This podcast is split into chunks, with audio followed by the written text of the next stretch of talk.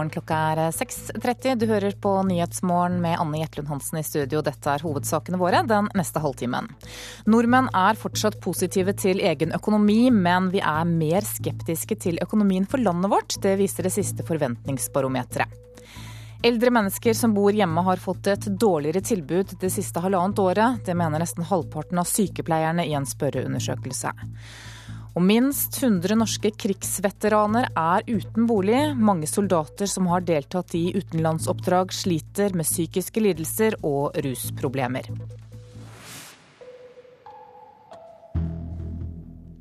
Først en halvtime skal vi høre at eh, nordmenns tro på egen økonomi øker, men det er et markant fall i troen på Norges økonomi. Det viser forventningsbarometeret for tredje kvartal. Men med trygge jobber og lave renter så opplever folk flest at de har god kontroll på privatøkonomien. Det sier Idar Kreutzer, som er administrerende direktør i Finans Norge. Så sier eh, det norske folk i denne undersøkelsen at egen økonomi er jeg trygg på, også neste år. Men jeg ser at Norge bremser. Det er et markert fall i troen på landets økonomi neste år. TNS Gallup og Finans Norge måler forventningene i husholdningene for å finne ut hvordan det faktisk kommer til å gå med norsk økonomi framover. Det blir en slags økonomisk værmelding. Og de vi treffer i sola i Oslos gater, tror de får litt mer å rutte med også til neste år. Min egen økonomi det tror jeg kommer til å gå kjempebra. Hvorfor det? For jeg må jobbe så mye jeg kan, så jeg har de pengene jeg trenger. Ja, marginalt bedre. Samme jobb og barna mer selvstendig. Tar mer av forsørgerbyrden selv. Så jeg tror vi kommer til å få det bra òg, men vi er veldig heldige som har oljen. Da. Men jeg tror vi skal være litt forsiktige. Jeg tror boligmarkedet det i hvert fall blir flate ut. Skepsisen til Norges økonomi skyldes problemene mange av våre viktige handelspartnere sliter med. Det sa reporter Linda Reinholdsen, Idar Kreutzer, direktør i Finansnæringens hovedorganisasjon. Vi hørte deg i saken, og nå er du kommet til studio. Velkommen. Tusen takk. Folk har altså mistet litt troen på Norges økonomi, men ser fortsatt lyst på sin egen økonomi. Hvordan henger det sammen? Jeg tror det henger sammen på følgende måte. Eh, når vi vurderer vår eh, egen økonomi, så ser vi at eh, jobbtrygghet og utsiktene for renten spiller en vesentlig betydning. Og forventningen om en snarlig renteøkning har avtatt. Eh, på jobbmarkedet så er det fremdeles lav arbeidsledighet. Og vi opplever nok alle sammen at de som ønsker jobb, har relativt enkelt for å få jobb i Norge fremdeles. Så det er høy jobbtrygghet, lav rente. Det gir tro på egen økonomi. Eh, når det gjelder landets økonomi, så ser det ut til at eh, den svake utviklingen i boligmarkedet de siste månedene har påvirket folks syn på eh, landets økonomi. I tillegg så leser vi, og mange opplever, at deler av norsk næringsliv sliter med konkurranseevnen internasjonalt pga. det høye norske kostnadsnivået. Hvilke konsekvenser får det at vi såpass, at vi har mistet litt troen på økonomien for landet vårt? Det som er interessant, det er at uh, dette synliggjør at den norske forbruker gjennomgående er uh, ansvarlig. Uh, det var et skift i spareatferden i Norge under finanskrisen. Det var skiftet opp. Vi sparte mer. Og det skiftet har holdt og styrker seg gjennom denne perioden. Vi sparer både gjennom bank og verdipapirfond, men svært mange sier også at de vil spare gjennom å nedbetale lån.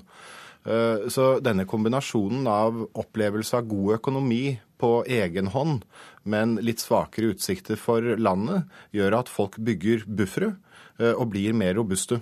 Hvor viktig er det? Det er svært viktig. Eh, det vet vi av historien. Save for a rainy day, er det ikke det det heter? Og vi ser at det er akkurat det den norske forbrukeren nå sier han vil gjøre. Eh, det er færre som sier de vil kjøpe ny bolig. Eh, det er ingen vesentlig vekst i ønsket om å gjennomføre store innkjøp. Eh, men det er fremdeles en høy sparevilje, og den ser vi materialiserer seg i en høy faktisk sparing. Så viser dette barometeret samtidig at folk er mer villige til å kjøpe seg hytter og båt. Hva betyr det? Nei, altså det, det, er også interessant. fordi vi har jo nå vært igjennom en periode der jeg tror vi alle har lest i avisen og hørt på radio at boligprisene er på et høyt nivå. Samtidig så har det vært mange eksempler på at det er såkalt kjøpers marked på, på hytte at det har ligget mange hytter ute gjennom sommeren uten å bli solgt, og at det er eh, mange hytter på fjellet til salgs. Det ser ut til nå å komme inn hos den norske forbruker, som nå er eh, mer villig til å se på hyttemarkedet igjen. Går det an å si noen forskjeller mellom aldersgruppene her? Ja, det, det, er det.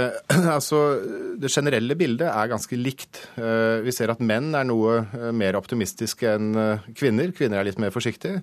Og så ser vi at de yngste aldersgruppene er de som er mest positive med hensyn til den overordnede troen på, på fremtiden. Slik har det ikke alltid vært, men slik er det nå.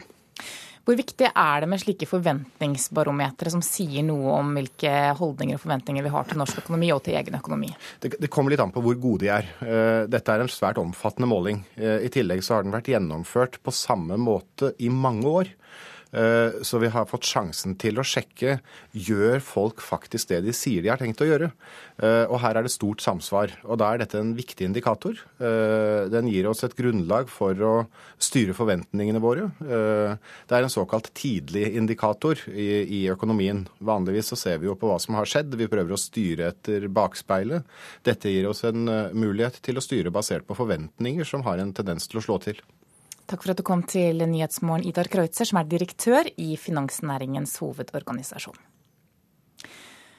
Da skal vi til reaksjonene etter det påståtte gassangrepet i Syria. Russlands president Vladimir Putin sier nå at det ikke er bevis for at Assad-regimet i landet har brukt kjemiske våpen.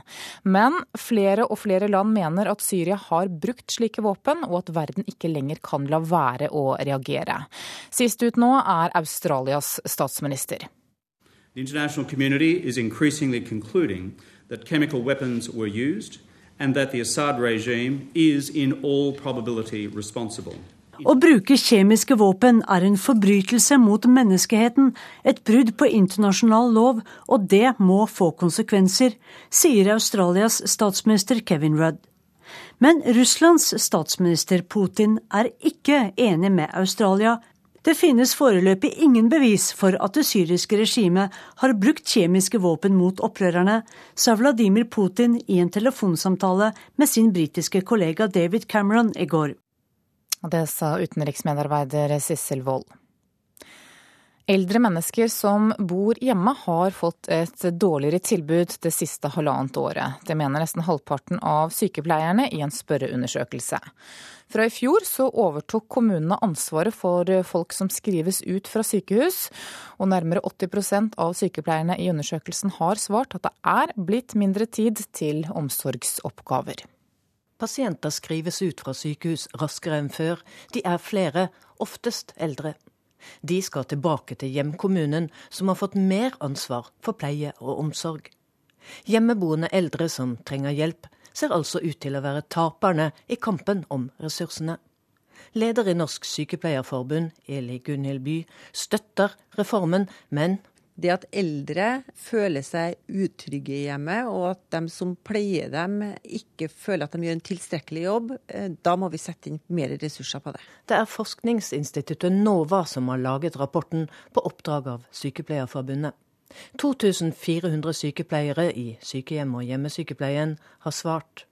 Flertallet sier at de har fått mer spennende oppgaver, men at arbeidsbelastningen er for stor. Og reportere her var Katrin Hellesnes og Elisabeth Skarrud. Minst 100 norske krigsveteraner er bostedsløse, det skriver Dagsavisen. Mange soldater som har deltatt i utenlandsoppdrag, opplever hverdagen som tøff og sliter med psykiske lidelser og rusproblemer.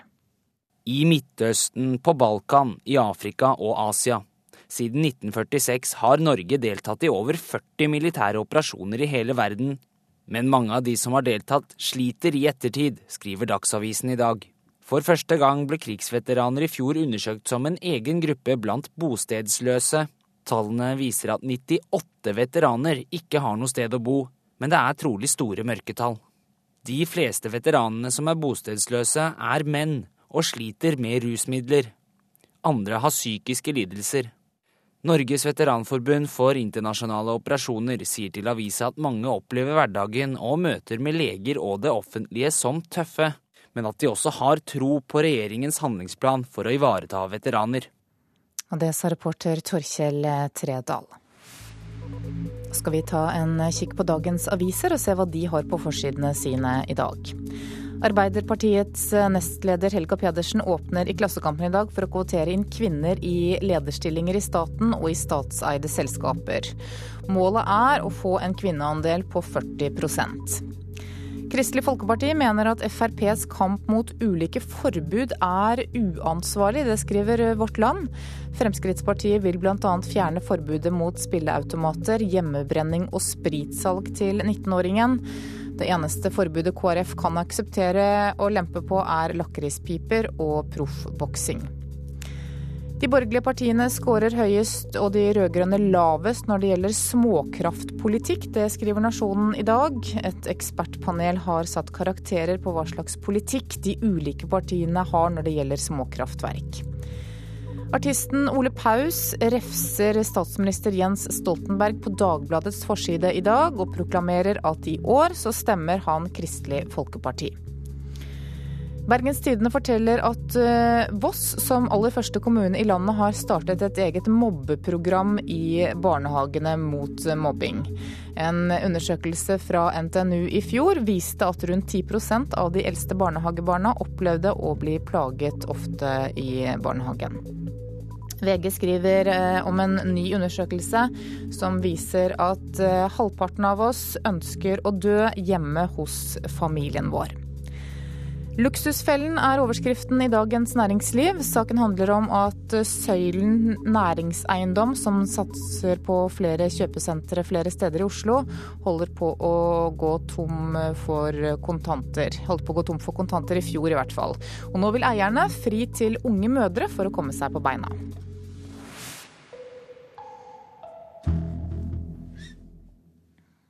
Dersom man eh, helst eh, vil unngå bilkøer i Oslo-området i 2030, så måtte de store trafikkårene gjøres to til tre ganger bredere enn i dag. Det viser beregninger fra Statens vegvesen. Dette ville bl.a. innebære at Europavei 6 fikk ti nye felt, Bjørvikatunnelen tolv felt til og Mosseveien seks nye felt. Og bilister som vi treffer langs Mosseveien skulle gjerne hatt en bredere vei. Nei, jeg er veldig lite fornøyd med den. Nei, den, jo, den gikk jo er vel, etter min mening, ut på dato i 1970. Den er jo ikke topp. Nei, den kunne vært litt breiere. Bilpendlere vi treffer langs Mosseveien er frustrert over bilkøene morgen og ettermiddag, og kunne godt tenke seg bredere vei med flere felt. Samtidig har Statens vegvesen nå regnet på hvor mange nye felt som kreves dersom bilistene helt skal slippe kø, med den forventede befolkningsveksten fram mot 2030. Ja, Hvis folk skulle fortsette å kjøre like mye privatbil som eh, de gjør i dag, så ville det bidra til at vi kanskje måtte bygge ti ekstra nye felt på E6 eh, e sørfra, og ti nye ekstra felt eh, i Groruddalen, og kanskje tolv ekstra felt gjennom Bjørvika tunnel.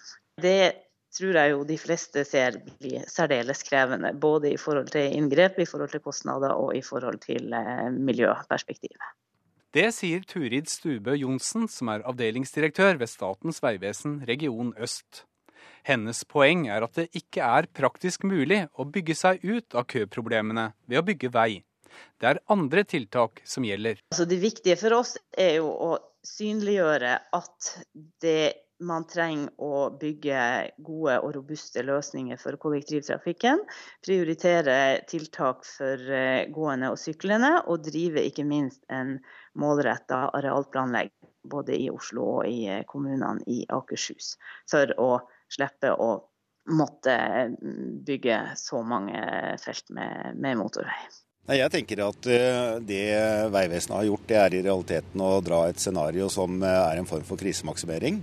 Eh, og de, de scenarioene som kommer frem i denne rapporten eh, er ikke realistiske, for det er ikke fysisk mulig å bygge eh, så mye vei. Så det vi må gjøre, og det som er Fremskrittspartiets forslag, det er å satse på vei og kollektivløsninger. Og da må vi ha gode, effektive kollektivløsninger som gjør at uh, brukerne blir fornøyd, og at det blir mer attraktivt å velge kollektiv fremfor å bare bruke bilen frem og tilbake til jobb.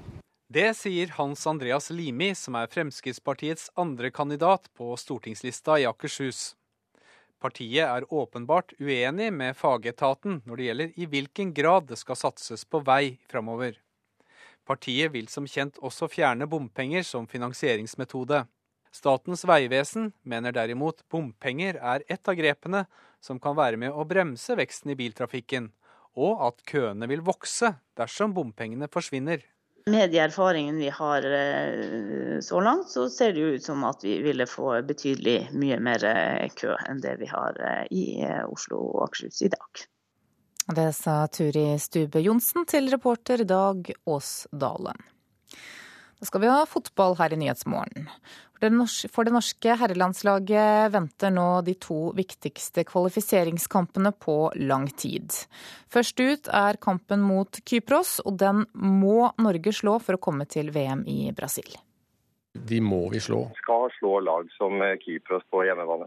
Både landslagssjef Drillo og NRKs ekspert Carl Petter Løken mener at Norge må slå Kypros hjemme. Og det tror jeg naturligvis vi skal gjøre. Hvis ikke Nei, da er vi rett og slett eh, ikke gode nok. For et VM-sluttspill. Vi så Sveits. De spilte 0-0 mot de første kampen og skåra på overtid i den andre. Så det de er ikke noe sånn walkover. Men Norge må valse over Kypros for at håpet om VM skal leve, i hvert fall noen dager til før møtet med Sveits. Vi har veldig gode erfaringer med Sveits sånn uh, statistisk, så muligheten for å slå de her er naturligvis til stede. Men eh, fikk en uh, ikke veldig hyggelig rapport fra Sveits-Brasil, hvor Sveits framsto som veldig, veldig gode.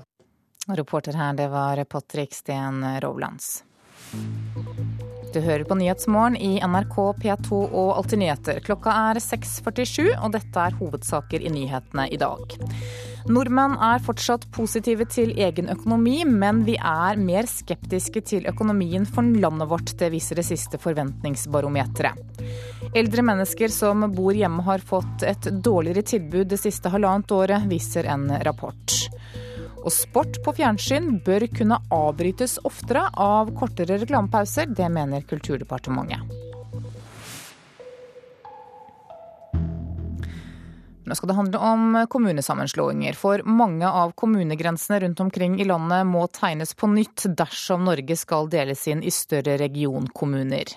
I går hørte vi i Dagsrevyen at analyseselskapet NIVI mener antallet kommuner bør skjæres drastisk ned fra dagens 428 til 105. Svelvik og Sanne, helt nord i Vestfold, forholder seg på mange områder til Drammen i Buskerud, men tanken på å skulle bli en del av Drammen sitter langt inne for mange beboere. Jeg kan godt være med på sammenslåing, men jeg må si at jeg har ikke lyst til å komme inn i Buskerud fylke. Nei, det syns jeg ikke noe om. Jeg syns det blir for stort, og så blir det det at eh, da må de kommunene som har god råd, ta tapet til de som har dårlig råd. Og nettopp økonomi spiller en viktig rolle for mange av dem NRK spurte på gata i Sande og Svelvik. De fleste frykter at en sammenslåing av flere kommuner til en regionkommune innebærer dårligere kommuneøkonomi. Jeg tror det vil være kostnadseffektivt å slå sammen Svelvik og Sanne, men hvorvidt de skal slå sammen alle de andre kommunene er jeg litt mer usikker på. Oppe i andre etasje på rådhuset i Svelvik har ordfører Jon Gunnar Lislelid sitt kontor. Kommunesammenslåing er ikke ukjent for ham. For i denne delen av Vestfold har dette vært tema lenge. Bør Svelvik slå sammen med Drammen, eller hva med Sanne? Både Sanne og Svelvik sliter med dårlig økonomi, og Lislelid tror at det kan være positivt å slå sammen kommuner hvis de får flere av de statlige og fylkeskommunale oppgavene. Vi har i dag eh, veldig god tilknytning til eh, Drammensregionen. Og hvis det, er, eh, hvis det, kommer en situasjon hvor det blir nedlagt Vestfold eh, fylkeskommune, og de etablerer eh, regioner, så må Svelvik kommune se på situasjonen på en litt annen måte. Fordi at infrastruktur og handel og all virksomhet vil jo da foregå inn mot Drammensregionen, sånn som det er i dag. Både de borgerlige partiene og Arbeiderpartiet vil at norske kommuner skal slå sammen, mer eller mindre med tvang. Samfunnsforskerne i NIVI mener at det blir viktigere å dele inn landet i store og sterke regionkommuner etter befolkningsstruktur og forsvarlig tjenestetilbud. Mange av dagens statlige og fylkeskommunale oppgaver skal i så fall legges til kommunene. Og da vil ikke de tradisjonelle kommunegrensene spille noen rolle. Altså, vi tror det nå er viktig å koble fylkeskommunen formelt sammen med kommunene sånn som det en gang var. Men da må kommunene bli vesentlig større. Det vi nå trenger, det er jo, det er jo fylkeskommuner som eh, bygger seg sammen med kommunene på skole, på planlegging, på folkehelse, på regional utvikling. Altså jeg ser for meg at Vi trenger ikke noe Buskerud fylkeskommune til å utvikle Hallingdal. Det kan folk i Hallingdal gjøre sjøl, altså. Det sa nei, reporter her, det var Maria Kommandant Wold. Og reaksjonene på den foreslåtte kommunesammenslåingen kommer også fra andre kommuner. I Telemark så frykter ordfører i Siljan, Arbeiderpartiets Gunn Berit Rygg Holmelid, at hennes kommune Siljan skal bli en utkant i en eventuell ny regionkommune. Jeg ser eh, utfordringer i forhold til demokratiet, rett og slett. Fordi eh, det blir større avstand mellom innbyggerne og der beslutningene blir tatt. NIVI vil annet ha slutt på kommuner med innbyggertall på under 10 000. Holmelid tror Siljan med sine 2400 innbyggere vil bli en utkant i en stor grenlandsregion, og at innbyggerne i Siljan har alt å tape når det gjelder annet helse- og sosialtilbud. Ordfører i bykommunen Skien, Hedda Foss Five i Arbeiderpartiet, vil derimot utgreie sjansene for å danne en regionkommune så snart som mulig. Litt større tempo, iallfall i forhold til at vi tør å bore litt i problemstillingen, og ikke se på alt som eh, hellige kuer som, eh, som skal bestå akkurat sånn som det er i dag. Det, det syns ikke jeg er å følge utviklinga verken nasjonalt eller internasjonalt. I Troms mener FrPs stortingsrepresentant Per-Willy Amundsen at det er spenstig av NIVI å tilrå at hans fylke reduserer tallet på kommuner fra 24 til 6. Men det jeg vil understreke som særdeles viktig, er at den type endringer som jeg ser egentlig må komme etter hvert, eh, bør forankres lokalt. Det må ikke være noe som tres ned over hodet på eh, lokalpolitikere og eh, kommuner. NIVI tror større regionkommuner vil gi ei sunn desentralisering av makt og ansvar når det gjelder både helse- og sosialtilbud, arbeidstilhøve og økonomi. Men da må staten tydelig definere hva som skal være kommunene sine oppgaver. Det sier Alf Robert Arvasli, som er ordfører for Ap i Lierne kommune i Nord-Trøndelag. Og han frykter at Nivis i foreslåtte sammenslåing av de 49 kommunene i Trøndelag til 12 kommuner vil gjøre folk mindre samfunnsengasjerte. Jeg tror En av de viktigste oppgavene for en kommune det er å ivareta demokratiet. Og Man kan jo se for seg at eh, det blir vanskeligere for eh, eller folk i allmennhet føler at det er vanskeligere å nå fram. Da. Reporter her var Ingunn Rauk. Sport på fjernsyn bør kunne avbrytes oftere av korte reklamepauser, det mener Kulturdepartementet. Forbrukerombudet er skeptisk og frykter at det totalt blir mer reklame for seerne. Når i løpet av femmila passer det å putte inn reklame, er spørsmålet da. Forbrukerombud Gry Nergård frykter at resultatet blir dårligere TV om kanalene sjøl får bestemme hvordan de bryter opp sportssendingene med reklame. Eh, vi er veldig redd for at eh, man da kanskje går glipp av en eller annen norsk god passering eller en norsk målgang. Begrensningene for mengde er lik. Maksimumsgrensa skal fortsatt være tolv minutter reklame i timen, sier Mina Gerhardsen, statssekretær i Kulturdepartementet. Så endringen er hvordan man skal legge reklamepausene. I dag må kanalene vente 20 minutter mellom hver gang de bryter av et sportsprogram som ikke har naturlige pauser med reklame. Kulturdepartementet sitt forslag legger opp til at kanalene nå skal få bryte av når de mener det passer best. I noen idretter har du naturlige pauser, som i hockey f.eks. Men noen i andre steder har du ikke det. Da man kan bruke litt skjønn på når du bryter av for reklame, det tror vi er positivt. Men Forbrukerombudet tror ikke det er noe seerne ønsker. Hvis disse reklamepausene blir ganske kort og veldig hyppig, så kan det nok oppleves som mer. Det tror vi at eh, mange forbrukere som ikke ønsker. Vi eh, frykter vel for så vidt alltid at eh, seerne eh, opplever at vi bringer for mye reklame. Det sier TV 2-advokat Theo Jordal. Han tror de vil kunne gi seerne bedre TV, f.eks. under OL i Sotsji, om endringene blir vedtatt. Våre sterkeste korrektiver ligger jo nettopp i at seerne kan vende oss ryggen. Og Derfor er det ikke noe behov egentlig for at Forbrukerombudet minner oss om dette. Dette blir vi minnet om hver eneste dag. Sendingen sponses av også reglene for sponsorplakatene som blir vist før og etter sportssendinger, kan bli endra. Mens kanalene nå bare får vise logoer, kan de kommersielle kanalene snart også få vise fram sponsorene sine produkt. Det er jo en måte å utvide totalmengden reklame på. Nok en dårlig idé, mener Forbrukerombudet. Hvis de her også etter hvert blir reklamer istedenfor bare sponsorplakater, så blir jo totalmengden reklame blir oppleves som mer for den som ser på. Langt ifra, mener TV 2.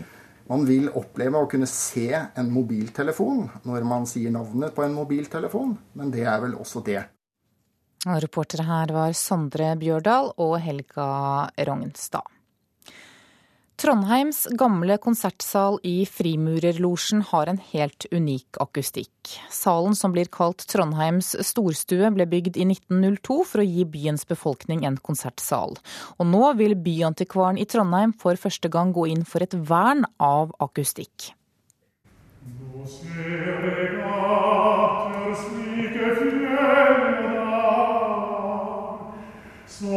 jeg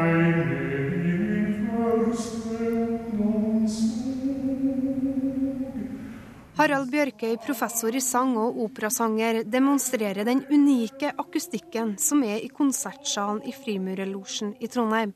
En sånn akustikk må man jo til St. Petersburg eller langt nede i Østerrike for å finne. Og derfor har Bjørkøy tatt til orde for å verne akustikken. Ikke fordi at den er trua, men for å være føre var. Og som kan, etter min mening, være med å trekke eksepsjonelle musikere til denne byen. Selv om Trondheim har både Olavshall, Byscenen og Samfunnet, kan ikke de konsertsalene måle seg med den i Frimurelosjen. Derfor vil byantikvaren Gunnar Hauen gå inn for et vern av akustikken. Jeg kjenner ikke til at det er gjort noe sånne fremstøt hvor hovedvekten i et verneforslag, et fredningsforslag eventuelt, er bevaring av akustikken. Men en gang skal jo være den første. Konsertsalen rommer 400 publikummere. Den ble bygd av frimurerne og sto ferdig i 1902 og ble kalt Trondheims storstue. Den har samme skoeskeform som Musikkverein i Wien. I dag er den ofte brukt til seminar, bryllup og ikke minst konserter.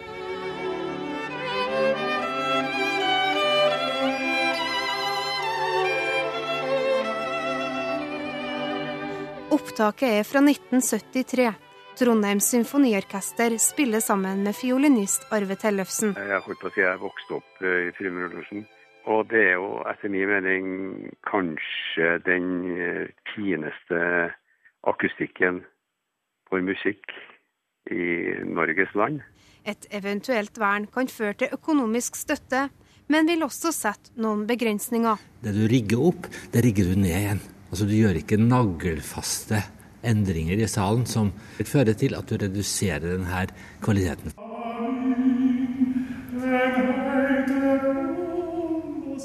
Til slutt her så hørte vi operasanger Harald Bjørkøy, og reporter var Kaja Kristin Næss. Da skal vi se på et værvarsel som gjelder til midnatt. Fjellet i Sør-Norge kan vente seg stort sett pent vær i dag. I kveld tilskyende i vestlige og nordlige områder. Østafjells fra i ettermiddag frisk bris på kysten øst for Oksøy. Stort sett pent vær og lokal morgentåke. Rogaland pent vær og i kveld tilskyende. Hordaland liten kuling i nord. Sent i kveld dreiende vestlig og minkende. Delvis skyet oppholdsvær. I ettermiddag tilskyende og i kveld regn. Sogn og Fjordane sørlig liten kuling på kysten. Sørvestlig sterk kuling omkring Stad. Sent i kveld dreiende vestlig og minkende. Etter hvert regn, først i ytre strøk av Nordfjord. Møre og Romsdal stiv kuling ytterst på kysten av Søre Sunnmøre. Etter hvert regn først på kysten. Trøndelag sørvestlig liten kuling på kysten. Etter hvert regn på kysten. I kveld regn også i indre strøk. Nordland minkende til sørvestlig liten kuling og regn.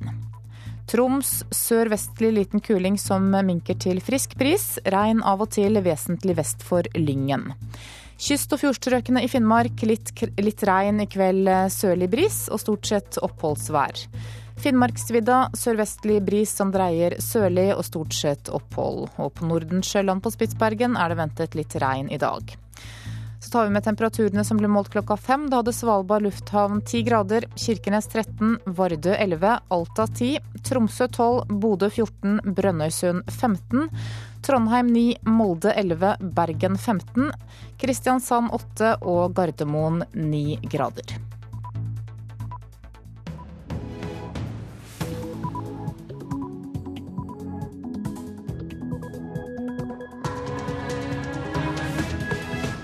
Nå er klokka sju, og du lytter til Nyhetsmorgen med Anne Jetlund Hansen i studio. Her er en nyhetsoppdatering. Flere unge tjener mer på å få støtte fra Nav enn om de jobber. Katrine Grini vil helst jobbe, men synes ikke hun har råd til å fortsette i jobben sin. Måneden hun jobbet halv ti i kantina, fikk hun til sammen utbetalt 9900 i trygd, bostøtte og lønn. Når hun ikke jobber, får hun 3000 kroner mer fra Nav. Eldre mennesker som bor hjemme har fått et dårligere tilbud etter Samhandlingsreformen. 80% av sykepleierne sier i en spørreundersøkelse at det er blitt mindre tid til omsorg. Jeg strever litt med å få gi dem den eh, omsorgen som jeg skulle ønske jeg kunne ha gitt. Sier Marta Bostad i hjemmesykepleien i Trondheim. Flere og flere land mener Assad-regimet i Syria har brukt kjemiske våpen mot folket sitt, og at verden ikke lenger kan la være å reagere. Men Russlands president Vladimir Putin er ikke enig. Nordmenn er fortsatt positive til egen økonomi, men vi er mer skeptiske til økonomien for landet vårt. Det viser det siste forventningsbarometeret. Den svake utviklingen i boligmarkedet de siste månedene har påvirket folks syn på landets økonomi sier Idar Kreutzer, som er direktør i finansnæringens hovedorganisasjon. Og ansatte i ferjeselskapet Color Line er redde for å miste jobben dersom det blir et regjeringsskifte. Navs, Navs, støtteordninger for unge er så gode at for enkelte lønner det seg ikke å jobbe. 19 år gamle Katrine Grini tjener mer på å få støtte fra Nav enn om hun jobber.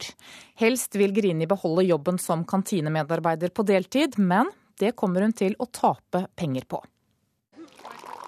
Hun har god tid til å treffes på kafé. Katrine Grini går på arbeidsavklaringspenger hos Nav, men hun vil aller helst jobbe jeg syns det er veldig deilig. Det er å bli sliten av en grunn, og ikke bare ligge på sofaen hele dagen. Problemet er at det lønner seg ikke. Måneden hun jobbet halv ti i kantina, fikk hun til sammen utbetalt 9900 i trygd, bostøtte og lønn. Når hun ikke jobber, får hun 3000 kroner mer fra Nav. Og de pengene kommer godt med. De er viktige så lenge man bor alene og man får en del regninger. Katrine Grini klarte ikke å fullføre videregående fordi hun fikk problemer med helsa. Hun er en av 28 000 unge under 30 år i Norge på arbeidsavklaringspenger. Det gir Nav tid til å finne ut om hun kan jobbe, eller om hun skal bli ufør resten av livet. NRK har møtt mange i Telemark fylke. Unge som sliter med å komme seg inn i arbeidsmarkedet og mottar en eller annen form for Nav-støtte. Ofte henger det sammen med at de ikke fullfører videregående skole. Alexander Jensen har kommet med på et unikt prosjekt.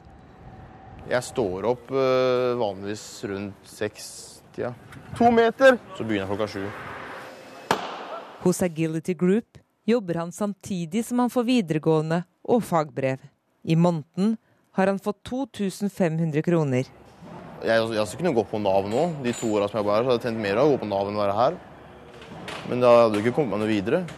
Men han har venner som sitter hjemme og spiller dataspill, og får over dobbelt så mye gjennom individstønaden. Det er for lett å få tak i penger.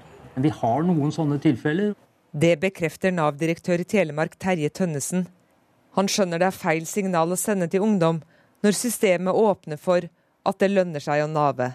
Men Man må se jobben ikke bare som penger, men også noe med livskvalitet og noe forankring for resten av livet. Ansvaret for Nav ligger hos arbeidsminister Anniken Huitfeldt. Det er helt uakseptabelt, og det er ikke slik systemene våre skal fungere. Hun vil gå gjennom utbetalingsordningene til unge. Fordi at Vi skal innrette vårt velferdssystem slik at det skal lønne seg å jobbe. Katrine Grini vil jobbe, i alle fall deltid. Målet er klart. Tjene mine egne penger er det jeg liker. Reporter her, det var Maria Hasselgaard. Over til deg, Torbjørn Røe Isaksen. Du sitter i Stortingets sosialkomité for Høyre. Velkommen. Tusen takk. Du, hvordan reagerer du på det du hører her? Nei, Det skal ikke være sånn. Det skal ikke være sånn at unge folk går passive i måneder før de får tilbud. Det skal ikke være sånn at unge eh, kan få mer på å ikke jobbe enn å jobbe. Eh, og jeg syns også det blir mektig hult når en arbeidsminister fra et parti som har styrt i åtte år, sier at slik skal det ikke være, for dette har man hatt åtte år på seg til å gjøre noe med. Ja, hva skal gjøres da? Eh, det skal lønne seg å jobbe. Det er faktisk ikke verre enn det. Vi må gjennomgå alle støtteordningene for å sikre at de som de som er unge, som gjør en innsats, som står opp om morgenen, som går på jobb, enten det er heltid eller deltid, de får litt mer igjen enn de som ikke gjør det.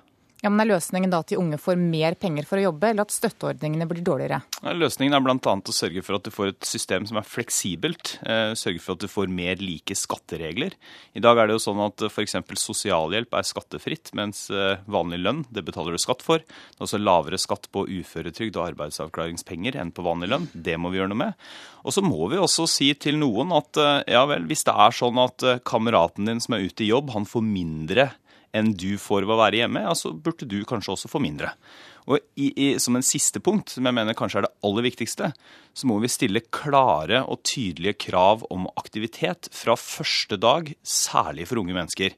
Det betyr at du skal ikke kunne vente tre måneder før du får aktivitet. Du skal ikke kunne vente et halvt år før du kommer deg ut i jobb eller i annen aktivitet. Fra første dag du mottar støtte, så skal du i aktivitet. Og hvis du sier nei, uten annen grunn enn at du ikke gidder, så er det også rimelig at du får et trekk i ytelsene. Men er det det som er problemet her, da? At folk ikke gidder? Nei, altså problemet er jo altså, jeg, jeg, må jo si at det er jo en, er jo en ganske eh, Vi sier jo at folk skal, folk skal, stå opp om morgenen, og det er jeg helt enig i. Men det er jo ganske mye å forvente da, at folk skal stå opp om morgenen, gå på jobb og så tape penger på det sammenligna med å være hjemme. Men de aller fleste ønsker jo å være i jobb dersom de har mulighet. Hvorfor ja. skal vi ikke sikre at de som ikke er i stand til å jobbe, da får utbetalt de pengene som trengs for å være en del av samfunnet vårt? Ja, det skal vi selvfølgelig gjøre. Vi skal sikre både en god uføretrygd, vi skal sikre at vi har ordningen Ung ufør, vi skal sikre sosialhjelp til de som trenger det. Men vi kan altså ikke ha et system hvor det ikke lønner seg å jobbe, og hvor man får mer utbetalt på å ikke være i jobb enn på å være i jobb. Og jeg syns det er helt utrolig at arbeidsministeren etter åtte åtte år som styringsparti, etter åtte år i regjering, sier at slik skal det ikke være. Vel, det er jo vel og bra, men dette kunne du altså gjort noe med i 2006, 2007, 2008, 2009, 2010, 2011, 2012. Ja, du skjønner poenget. Ja, Men hvor lang tid tar det for deg å, å, å ordne dette her, da? Nei, altså, vi har, vi har, sagt, vi har to veldig klare ting i programmet vårt. For det første har vi sagt at vi skal gjennomgå alle støtteordninger med, lønne, med sikte på at det skal lønne seg å jobbe. Og Da er disse støtteordningene viktige. Og det andre er at vi har sagt at vi ønsker en aktivitetsplikt. Og da skal vi starte med de yngste. Og det tror jeg ikke er noen grunn til at vi skal vente åtte år med, for å si det forsiktig. Takk for at du var med i Nyhetsmorgen, Torbjørn Røe Isaksen. Da skal vi høre at eh, eldre mennesker som bor hjemme har fått et dårligere tilbud det siste halvannet året. Det mener nesten halvparten av sykepleierne i en spørreundersøkelse.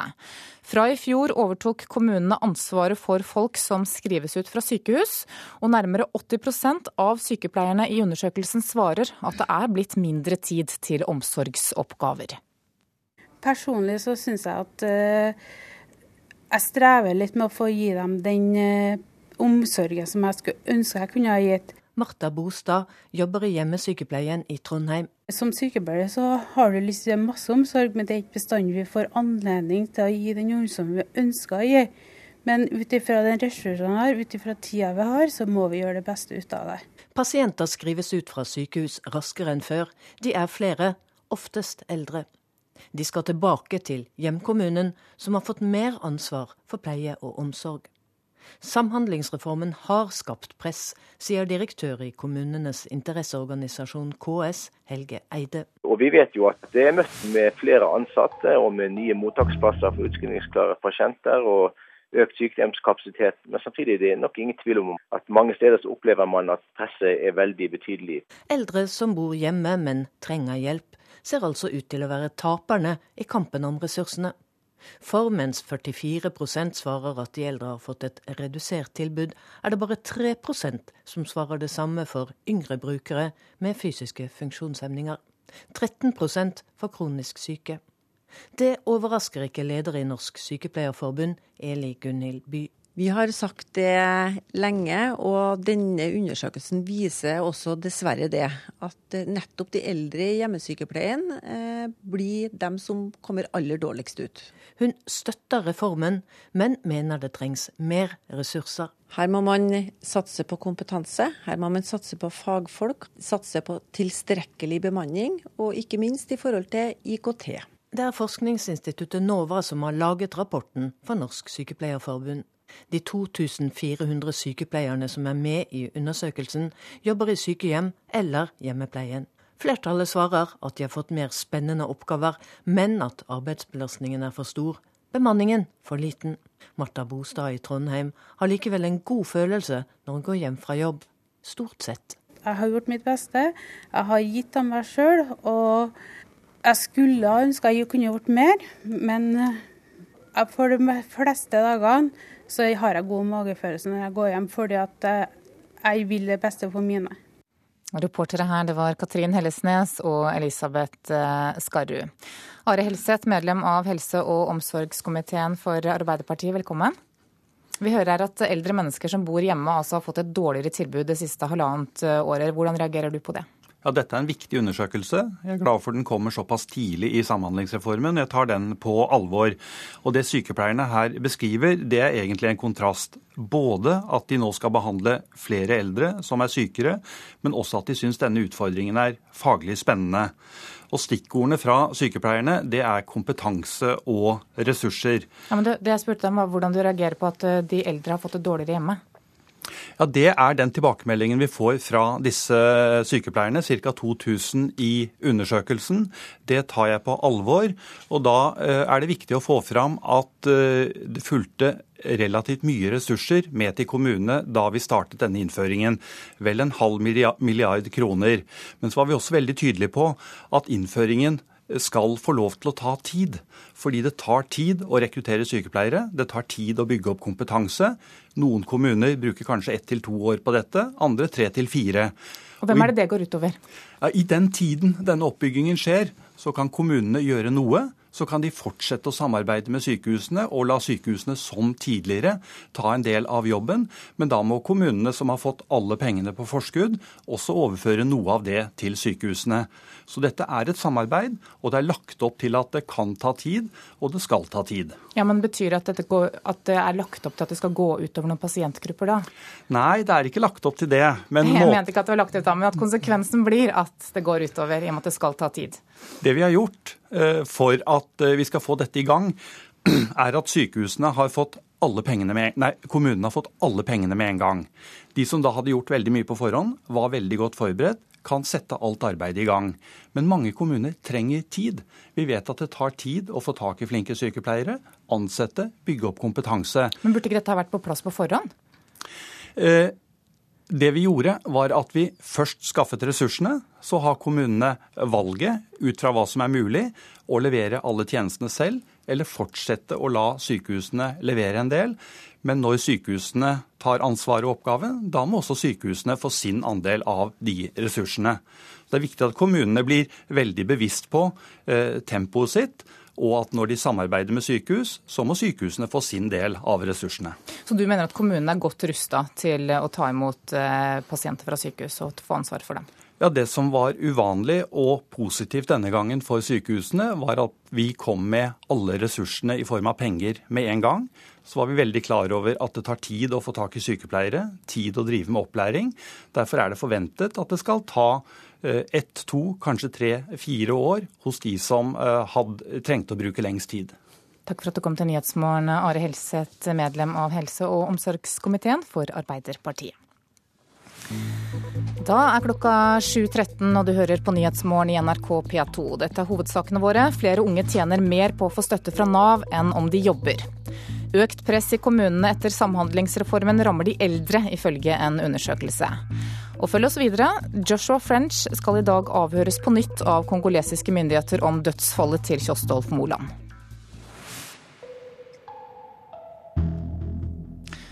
Men nå skal det handle om Syria og reaksjonene etter det som kan ha vært et gassangrep ved Damaskus i forrige uke.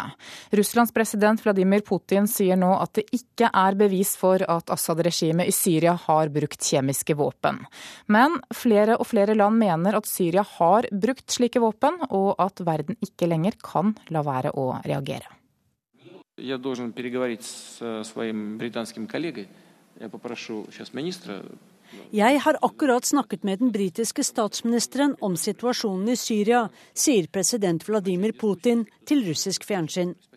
Den russiske og britiske lederen er svært uenige, og ble ikke mindre uenige i løpet av telefonsamtalen.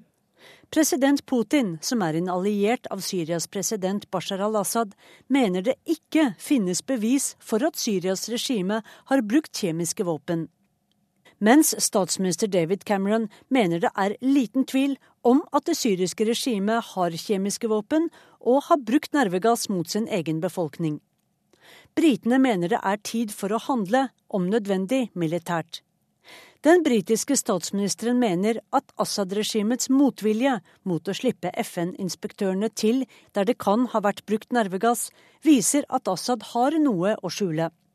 En av Syrias andre allierte, Kina, har også ytret seg. På offisielt kinesisk TV kan nyhetsoppleseren fortelle at utenriksminister Wang Yi følger rapportene om bruk av kjemiske våpen nøye, og at Kina tar sterk avstand for bruk av slike våpen, uansett hvem som bruker dem. Wang Yi mener at den eneste løsning på borgerkrigen i Syria er politisk, og han advarer sterkt mot militære reaksjoner, ifølge statlig kinesisk TV. I går ble FNs våpeninspektører skutt mot da de begynte på sitt oppdrag å etterforske og finne bevis for hvem som eventuelt bruker nervegass i Syria. FN-inspektørene har et tungt ansvar. Er det regimet som har angrepet sine egne med nervegass? I tilfelle ja, kan FN-ekspertenes konklusjon være utløsende for militære reaksjoner mot det syriske regimet. Det sa reporter Sissel Wold. FNs våpeninspektører startet altså i går ettermiddag sine undersøkelser i Syria etter det mulige kjemiske angrepet. Bilkolonnen til inspektørene ble først beskutt, men FNs generalsekretær Ban Ki-moon sier at inspektørene fikk besøkt to sykehus, intervjuet øyenvitner, overlevende og leger, og i tillegg samlet inn en del prøver. Og med oss på telefon fra Washington er tidligere våpeninspektør i Irak, Jørn Siljeholm. Velkommen. Takk skal du ha. Du mener at FN har for få våpeninspektører. Hvilke konsekvenser mener du dette får for de undersøkelsene som nå gjøres i Syria? Altså, I forhold til Irak-inspeksjonene så er det sånn at uh, inspeksjonsprogrammet er betydelig svekket. Det betyr ikke at det ikke er kompetent det som foregår, men det er slik at uh, våpeninspektørene i forhold til den kontingenten vi hadde i gamle dager, er redusert med ca. 90 og Det har noe å gjøre med robustheten til programmet, og programmet er sånn sett totalt sett svekket. Men når det gjelder det som foregår akkurat nå, så er det slik at uh, de som er inne, er jo særdeles kompetente. Men hele opplegget har en side ved seg som gjør at det er ikke sikkert de tåler samme form for motstand som man tidligere ville tålt dersom man hadde et mye bedre program. Og I denne sammenheng kunne Norge gjort mye, f.eks. Ja, hvordan burde det vært?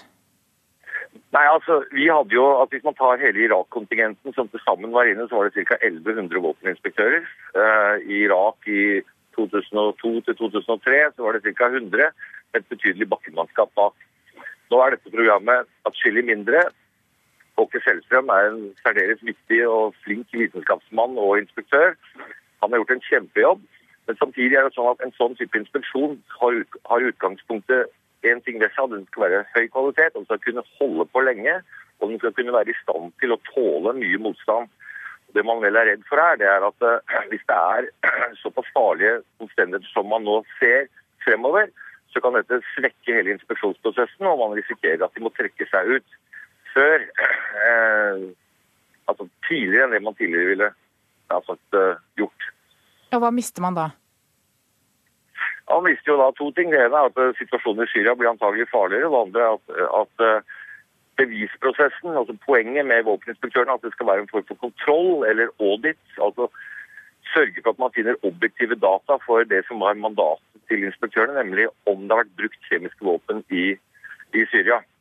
Ikke hvem som har gjort det, men om det har vært brukt. Og Det er en ganske omstendelig prosess, særlig hvis man har brukt visse typer nervegass og som er, kan være laget på forskjellige måter. Noen ting varer lenge, andre ting varer ikke lenge i miljøet. Og Det krever i realiteten veldig omfattende såkalt forensic ekspertise. Man må holde på lenge, og man må sørge for at man samler bevis på veldig mange steder. Og Så nevnte du at Norge bør bidra her. Kan du utdype det? Altså Norge har hatt en mulighet og har en mulighet, men det er vel noe med å gjøre You can do what's right or you could do what's easy. Norge. Det har vært noen forslag i forhold til eksisterende myndigheter, spesielt UD, om å bygge et robust program for å trene våpeninspektører på norsk eller skandinavisk jord. Det har vi muligheten til å gjøre, og dette er den type hjelp som FN trenger for å bygge opp et program som holder. I dag er det slik at OPCW, altså Organisasjonen for kjemiske våpen, i all hovedsak er ansvarlig, med støtte fra bl.a. militæret fra, fra, P5, eller disse altså nøkkelmedlemmene i Sikkerhetsrådet. Men operasjonen nå er jo veldig svekket i forhold til 2003-2004, altså, altså, kort etterkant av når amerikanerne gikk inn. Og det har ikke skjedd noe særlig. Veldig lite trening har foregått. Eh, og eh, som sådan eh, Vi har Vi kan gjøre ting, men det gjøres veldig lite. Takk for at du var med i Nyhetsmorgen, Jørn Siljeholm, som altså er tidligere våpeninspektør i Irak. Myndighetene i Venezuela hevder at de har avverget planer om å drepe landets president Nicolas Maduro. To angivelige leiemordere er pågrepet eh, i saken. Myndighetene i landet beskylder Colombias tidligere president Alvoro Oribe for å stå bak. Ti av tolv ungdommer som ble bortført på høylys dag i Mexico by i mai, er identifisert etter å ha blitt funnet i en massegrav. Bortføringene har skapt frykt blant byens innbyggere for at voldelige narkotikagjenger er i ferd med å innta hovedstaden. De tolv ungdommene ble bortført i fullt dagslys fra en bar i et populært turistområde. Dødsdømte Joshua French skal i dag avhøres på nytt av kongolesiske myndigheter om omstendighetene rundt dødsfallet til Kjostolf Moland. Og Jan Espen Kruse, reporter, du er med oss på telefon fra Kinshasa. Hva er det ventet at kongolesiske myndigheter eh, ønsker å få ut av dette avhøret i dag? Nei, Det vet vi veldig lite om. Vi vet bare at det skal finne sted. Eh, vi vet at i går var det eh, en del uenighet eh, da obduksjonsrapporten etter Kjostolv Moland ble presentert for den kongolesiske etterforskningsledelsen. Vi vet ikke mye om detaljene der. Vi vet ikke hva konkret uenigheten består i. Men det kan Altså, det er noen spekulasjoner Eh, om at eh, den militære påtalemyndigheten eh, ønsker å sikte Joshua French i forbindelse med dødsfallet til Moland. Men dette er altså ikke bekreftet på noe som helst hold. Det betyr at de norske og de kongolesiske legene er enige eller uenige om tolkningen av funnene i denne obduksjonsrapporten? Ja, altså Legene som har utført eh, obduksjonen, de er enige i eh, konklusjonen. De har funnet en dødsårsak, eh, sier de. Men uenigheten den er mellom dette Kripos-teamet som er her, og den kongolesiske etterforskningslederen. På, på, på påtalemyndigheten vil muligens, som jeg sa, altså fortsette selv om det har blitt sagt at, eh, at, obduksjonsrapporten, at obduksjonen ikke viser noe mistenkelig, så er det altså mulig at eh, kongolesisk politi, militærpoliti, vil sikte French eh, likevel. Men de har lovet å informere om situasjonen i dag. Vi vet jo ikke om det virkelig kommer til å skje. De norske utsendingene fra Kripos skal være til stede under avhøret av French i dag. Hva vil det ha å si? Ja, eh, Kripos-folkene her sier at det avhøret vil bli eh, veldig interessant.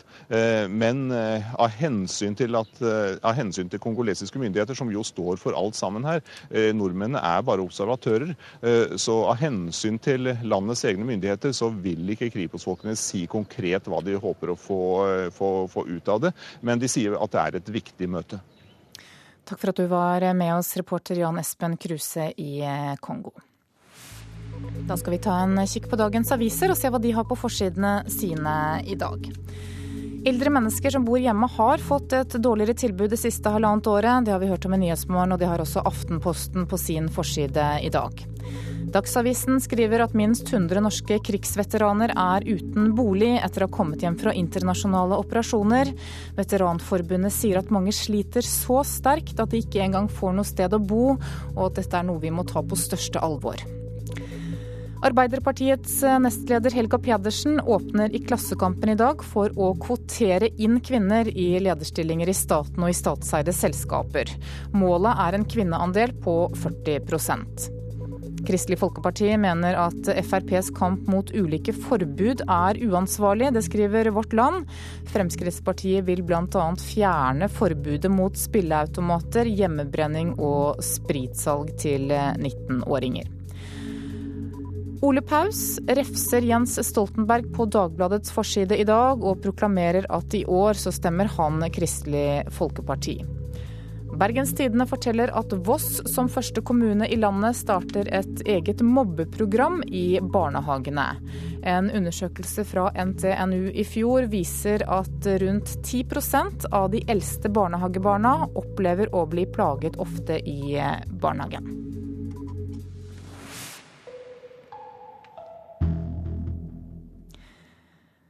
Flere ansatte i ferjeselskapet Color Line er redde for å miste jobben dersom det blir et regjeringsskifte. Dersom Høyre kommer til makten, så kan nettolønnsordningen, en støtteordning som sikrer at ansatte på båtene er norske, bare komme til å gjelde ansatte sjømenn, ikke butikk- og serviceansatte. Trond Jeg er førstekokk. Jeg heter Kristine Aksnes Mathisen. Ja, Tikk-ekspeditør. Linda Gamborg, hun er 70% i kafeteria. Tre ansatte med tre stillinger som kan stå i fare dersom de borgerlige partiene kommer til makten etter stortingsvalget 9.9. Vi skal jo tross alt leve av, vi har familie og barn å ta oss av, vi òg, sånn som alle andre. Førstekokk om bord på Color Lines linje mellom Sandefjord og Strømstad Trond Ivar Nergård, sier flere av de ansatte, han selv inkludert, er bekymret for fremtiden. For Ved regjeringsskiftet så mista jo vi vår eh, nettolønnsordning, ser det ut for. Og da er det vel bare et tidsspørsmål før at eh, vi går med utenlandsk bemanning på våre skip òg. De politiske partiene er uenige om hvordan nettolønnsordningen skal løses. Arbeiderpartiet vil ha ordningen slik den er i dag. Det vil si at nettolønnsordningen vil gjelde alle som jobber om bord, uansett hvilken stilling de ansatte måtte ha. Høyre vil kutte ut støtten for alle som ikke er ansatte sjømenn. Jeg syns jo det er helt latterlig. Sier hovedtillitsvalgt i Color Line, Ronny Øksnes. Det er 600 ansatte i, i Color Line eh, som bor i, eh, i, Sandefjord kommune, og skatt til Sandefjord kommune. De skatt til Vestfold fylke. Eh, selvfølgelig Et sånt frafall av den skatteinntekta vil jo også bety noe for kommunekassa i Sandefjord. Alt vi sjøfolk og alt vi ansatte i Color Line vil, er å få lov å, å konkurrere helt likt med våre kollegaer i Danmark og Sverige. Høyres Svein Flåtten, som er førstekandidat på stortingslisten, mener deres ordning er viktig for å styrke Norge som et maritimt vertsland. Nei, Jeg skjønner for så vidt at, de er, er, bekymret, men eh, de bør nok være enda mer bekymret for den generelle konkurransesituasjonen for Color Line. For jeg tror nemlig ikke at uansett om eh, man har eh, full nettolønnsordning slik man nå har hatt, så er også den ifølge rederiene for dårlig. Jeg tror at utflagging kan være et eh, problem uansett. Men hvis vi snakker om å styrke den maritime eh, kunnskapen, så mener jeg jo at vår modell er riktig. Statsminister Jens Stoltenberg sier at nettolønnsordningen er høyt prioritert og viktig for videre verdiskapning og for å sikre trygge arbeidsplasser også i fremtiden. Det er en viktig ordning. Eh, de landene vi konkurrerer med har tilsvarende ordninger. og Uten den så vil eh, norsk skipsfartsnæring og ikke minst eh, store deler av arbeidsplasser i et fylke som Vestfold kunne gå tapt, og vi mister verdifull verdiskapning for landet vårt. Reporter her, det var Anne Melsom Bjerke. Du lytter til Nyhetsmorgen. Straks skal vi få Dagsnytt 7.30. Og i Politisk kvarter klokka 7.45 så blir det debatt om hvorvidt den store samhandlingsreformen har ført til at eldre blir nedprioritert hjemme i helsevesenet. Produsent for Nyhetsmorgen i dag er Ulf Tannes Fjell, og her i studio Anne Jetlund Hansen.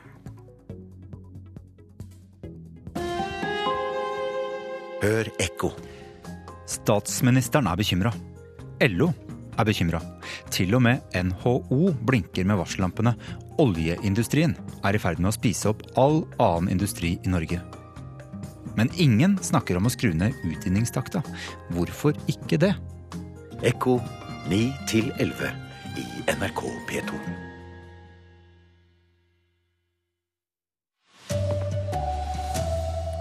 Unge kan tjene mer på å få støtte fra Nav enn på å jobbe. Eldre som bor hjemme får mindre hjelp enn før, viser ny rapport. Og Russland mener det ikke finnes bevis for at Syria har brukt kjemiske våpen mot sivile. God morgen, her er NRK Dagsnytt. Klokka er 7.30. Nav sine støtteordninger for unge er så gode at det for enkelte ikke lønner seg å jobbe. 19 år gamle Katrine Grini tjener mer på å gå på Nav enn om hun går på jobb. Helst ville Grini beholde jobben eh, som kantinemedarbeider på deltid, men det taper hun penger på. Hun har god tid til å treffes på kafé. Katrine Grini går på arbeidsavklaringspenger hos Nav, men hun vil aller helst jobbe. Jeg syns det er veldig deilig. Det er å bli sliten av en grunn, og ikke bare ligge på sofaen hele dagen. Problemet er at det lønner seg ikke. Måneden hun jobbet halv ti i kantina, fikk hun til sammen utbetalt 9900 i trygd, bostøtte og lønn. Når hun ikke jobber, får hun 3000 kroner mer fra Nav. Og de pengene kommer godt med. De er viktige så lenge man bor alene og man får en del regninger. Katrine er ikke den eneste, men ingen vet hvor mange ungdommer det gjelder. Nav-direktør i Telemark Terje Tønnesen sier det er flere i hans distrikt. Vi har noen sånne tilfeller. Regjeringen sier det skal lønne seg å jobbe. Likevel er systemet slik at enkelte unge får mer igjen med trygd enn om de har lønnet arbeid. Nav-direktøren skjønner det er umotiverende når det lønner seg å nave. Man må se jobben ikke bare som penger, men også noe med livskvalitet og noe forankring for resten av livet. Ansvaret for Nav ligger hos arbeidsminister Anniken Huitfeldt. Det er helt uakseptabelt, og det er ikke slik systemene våre skal fungere. Hun vil gå gjennom utbetalingsordningene til unge. Fordi at Vi skal innrette vårt velferdssystem slik at det skal lønne seg å jobbe. Katrine Grini vil jobbe, i alle fall deltid. Målet er klart. Tjene mine egne penger er det jeg liker. Reporter her var Maria Hasselgaard. Og det skal lønne seg å jobbe, det sier også Torbjørn Røe Isaksen, som sitter i Stortingets sosialkomité for Høyre. Vi har to veldig klare ting i programmet vårt. For det første har vi sagt at vi skal gjennomgå alle støtteordninger med sikte på at det skal lønne seg å jobbe. Og Da er disse støtteordningene viktige. Og det andre er at vi har sagt at vi ønsker en aktivitetsplikt. Og da skal vi starte med de yngste. Og det tror jeg ikke er noen grunn til at vi skal vente åtte år med, for å si det forsiktig. Ja, og på NRK1 i kveld så blir det debatt om nettopp unge og Nav. Til de i den andre enden nå. Presset på hjemmetjenester har økt etter Samhandlingsreformen, og det er de eldre som nedprioriteres, ifølge en ny rapport. Nesten halvparten av sykepleierne i spørreundersøkelsen mener at eldre som bor hjemme, har fått et dårligere tilbud. Nesten 80% svarer at det er blitt mindre tid til omsorgsoppgaver. Jeg strever litt med å få gi dem den omsorgen som jeg skulle ønske jeg kunne ha gitt. Marta Bostad er hjemmesykepleier i Trondheim. Som sykepleier så har du lyst til masse omsorg, men det er ikke bestandig vi får anledning til å gi den omsorgen vi ønsker å gi. Men ut ifra den ressursen vi har, ut ifra tida vi har, så må vi gjøre det beste ut av det. Pasienter skrives ut fra sykehus raskere enn før. De er flere, oftest eldre. De skal tilbake til hjemkommunen, som har fått mer ansvar for pleie og omsorg. Hjemmeboende eldre som trenger hjelp, ser altså ut til å være taperne i kampen om ressursene. Leder i Norsk Sykepleierforbund, Eli Gunhild By, støtter reformen, men det at eldre føler seg utrygge i hjemmet, og at de som pleier dem, ikke føler at de gjør en tilstrekkelig jobb, eh, da må vi sette inn mer ressurser på det. Det er forskningsinstituttet NOVA som har laget rapporten på oppdrag av Sykepleierforbundet. 2400 sykepleiere i sykehjem og hjemmesykepleien har svart. Flertallet sier at de har fått mer spennende oppgaver, men at arbeidsbelastningen er for stor. Reformen har skapt press i kommunene, sier KS-direktør Helge Eide. Og Vi vet jo at det er møtt med flere ansatte og med nye mottaksplasser for utskrivningsklare pasienter. og økt sykehjemskapasitet. Men samtidig er det nok ingen tvil om at mange steder så opplever man at presset er veldig betydelig. Reportere her var Katrin Hellesnes og Elisabeth Skarre. Og det blir debatt om dette i Politisk kvarter på P2 klokka kvart på åtte om ti minutter, altså. Nå til Syria. Russlands president Vladimir Putin sier det ikke finnes bevis for at Assad-regimet i Syria har brukt kjemiske våpen. Men flere og flere land mener Syria har brukt slike våpen mot sivilbefolkningen, og de mener at verden ikke lenger kan la være å gjøre noe. Я должен переговорить с своим британским коллегой. Я попрошу сейчас министра jeg har akkurat snakket med den britiske statsministeren om situasjonen i Syria, sier president Vladimir Putin til russisk fjernsyn. Den russiske og britiske lederen er svært uenige, og ble ikke mindre uenige i løpet av telefonsamtalen.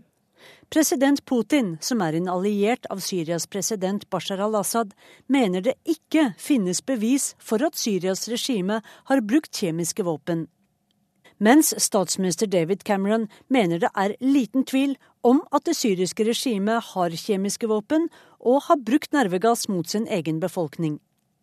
Britene mener det er tid for å handle, om nødvendig militært. En av Syrias andre allierte, Kina, har også ytret seg. På offisielt kinesisk TV kan nyhetsoppleseren fortelle at Utenriksminister Wang Yi følger rapportene om bruk av kjemiske våpen nøye, og at Kina tar sterk avstand for bruk av slike våpen, uansett hvem som bruker dem. Wang Yi mener at den eneste løsning på borgerkrigen i Syria er politisk, og han advarer sterkt mot militære reaksjoner, ifølge statlig kinesisk TV. Det sa utenriksmedarbeider Sissel Wold. Minst 98 norske krigsveteraner er bostedsløse, det skriver Dagsavisen i dag. Mange som har deltatt i utenlandsoppdrag opplever hverdagen som tøff, og sliter både med psykiske lidelser og misbruk av rusmidler. Korea, Kosovo, Libanon og Guatemala. 120 000 nordmenn har siden 1946 reist ut for Norge i internasjonale operasjoner over hele verden. Men mange av de som kommer hjem, sliter i ettertid, skriver Dagsavisen i dag. For første gang ble krigsveteraner i fjor undersøkt som en egen gruppe blant bostedsløse, og tallene viser at minst 98 veteraner ikke har noe sted å bo. Trolig er det flere. De fleste veteranene som er bostedsløse, er menn og sliter med rusmidler. Andre har psykiske eller fysiske lidelser. Mange veteraner gjenopplever situasjoner de har opplevd i utlandet, og synes møter med hverdagen og det offentlige er tøffe, sier president i Norges veteranforbund for internasjonale operasjoner, Odd Helge Olsen, til avisa. Han har tro på regjeringens handlingsplan for å ivareta veteraner, men sier dette må tas alvorlig, og at man må ha midler til å gjennomføre tiltak. Det sa reporter Torkjell Tredal. Nordmenns tro på egen økonomi øker. Men troen på landets økonomi går nedover. Det viser forventningsbarometeret for tredje kvartal. Med trygge jobber og lave renter opplever folk flest at de har god kontroll på privatøkonomien. Det sier Idar Kreutzer, som er administrerende direktør i Finans Norge. Så sier eh, det norske folk i denne undersøkelsen at egen økonomi er jeg trygg på, også neste år. Men jeg ser at Norge bremser. Det er et markert fall i troen på landets økonomi neste år. TNS Gallup og Finans Norge måler forventningene i husholdningene for å finne ut hvordan det faktisk kommer til å gå med norsk økonomi framover. Det blir en slags økonomisk værmelding. Og de vi treffer i sola i Oslos gater, tror de får litt mer å rutte med også til neste år. Min egen økonomi det tror jeg kommer til å gå kjempebra. Hvorfor det? For jeg må jobbe så mye jeg kan, så jeg har de pengene jeg trenger. Ja, Marginalt bedre. Samme jobb og barna mer selvstendig. Tar mer av forsørgerbyrden selv. Så jeg tror vi kommer til å få det bra òg, men vi er veldig heldige som har oljen. Da. Men jeg tror vi skal være litt forsiktige. Jeg tror boligmarkedet det i hvert fall blir flate ut. Skepsisen til Norges økonomi skyldes problemene mange av våre viktige handelspartnere sliter med. Det sa reporter Linda Reinholdsen. Så fotball. For det norske herrelandslaget venter nå de to viktigste kvalifiseringskampene på lang tid. Først ut kampen mot Kypros, og Norge må vinne for å komme til VM. De må vi slå. Skal slå lag som Kypros på hjemmebane. Både landslagssjef Drillo og NRKs ekspert Carl Petter Løken mener at Norge må slå Kypros hjemme. Og det tror jeg naturligvis vi skal gjøre. Hvis ikke Nei, da er vi rett og slett eh, ikke gode nok. For et VM-sluttspill. Vi så Sveits. De spilte 0-0 mot de første kampen og skåra på overtid i den andre. Så de, det er ikke noe sånn walkover. Men Norge må valse over Kypros for at håpet om VM skal leve, i hvert fall noen dager til, før møtet med Sveits. Vi har veldig gode erfaringer med Sveits sånn uh, statistisk, så muligheten for å slå de her er naturlig til stede. Men eh, fikk en eh, ikke veldig hyggelig rapport fra Sveits-Brasil, hvor Sveits framsto som veldig, veldig gode. Reporter var Patrick Steen Rolands. Ansvarlig for Dagsnytt denne morgenen er Anne Skårseth. Det tekniske ansvaret har Frode Thorshaug. Her i studio Tone Nordahl. Klokka er 7.40, og her i Nyhetsmorgen skal vi til Russland. For der er det frykt for økonomisk nedtur etter friidretts-VM, vinter-OL og fotball-VM i 2018. Men russerne vil både ha brød og sirkus, rapporterer Moskva-korrespondent Hans-Wilhelm Steinfeld.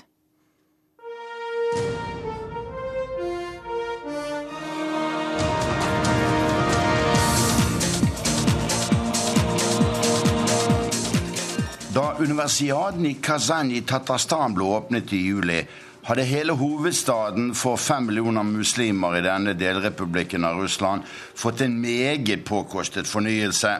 Даже спортом в нашем городе стали заниматься в два раза больше, чем раньше, благодаря появлению в городе новых спорткомплексов. Nå driver dobbelt så mange med idrett enn før i byen vår, takket være alle idrettsanleggene som har kommet her nå, sa Kazans borgermester da universitetslekene ble avsluttet nå i juli. Men den russiske statsministeren frykter at stigende oljepriser kan føre Russland ut i økonomisk ulykke.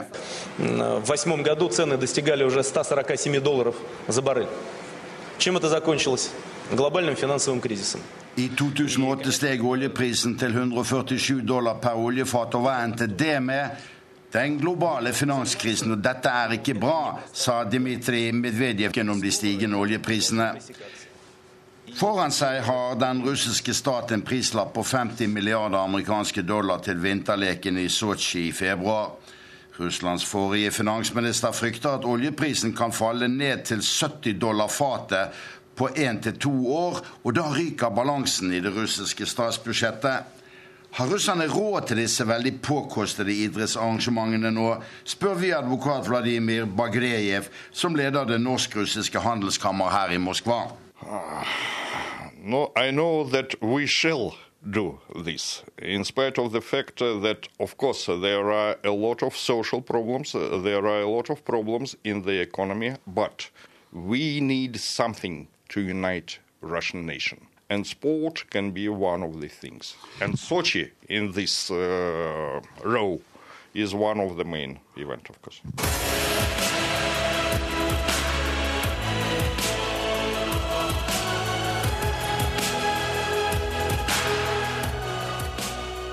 Nå i august gjennomførte russerne verdensmesterskap i friidrett her i Moskva, og i meget god stil. Sport er et erkjent element i president Vladimir Putins prosjekt om å etablere et nytt verdigrunnlag for det russiske samfunnet etter kommunismen i forrige århundre. Da er de stolte idrettstradisjonene fra sovjetæraen gode å ha med seg. Sport was popular in Russia, was popular in Soviet Union, and is necessary for Russia from many, many points of view. We can speak about the health of the population from one side. We can speak about the moral values for the population uh, of uh, Russia.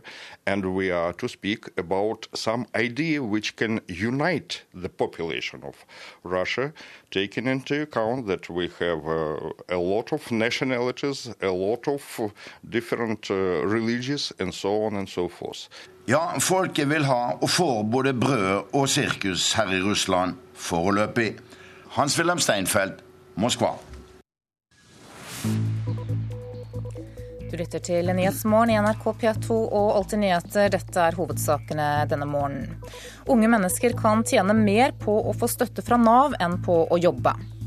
Eldre som bor hjemme får mindre hjelp enn før, det viser en ny rapport om Samhandlingsreformen. Og Russland mener at det ikke finnes bevis for at Syria har brukt kjemiske våpen mot sivile. Og Samhandling er tema også i Politisk kvarter i dag, programleder Bjørn Bø. Må eldre heimebuende li på alteret til den store reforma? Og for noen, lø noen lønner det seg altså nave. Er det konkurs for arbeidslina?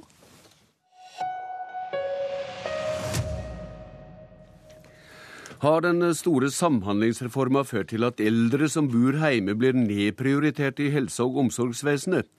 En rapport for Sykepleierforbundet tyder på at svaret er ja. Helse- og omsorgstalsmann i Arbeiderpartiet Are Helseth, dette er kanskje en reformpris det tar med åpne øyne? Ja, først har jeg lyst til å si at Dette er en nyttig undersøkelse som Sykepleierforbundet kommer med.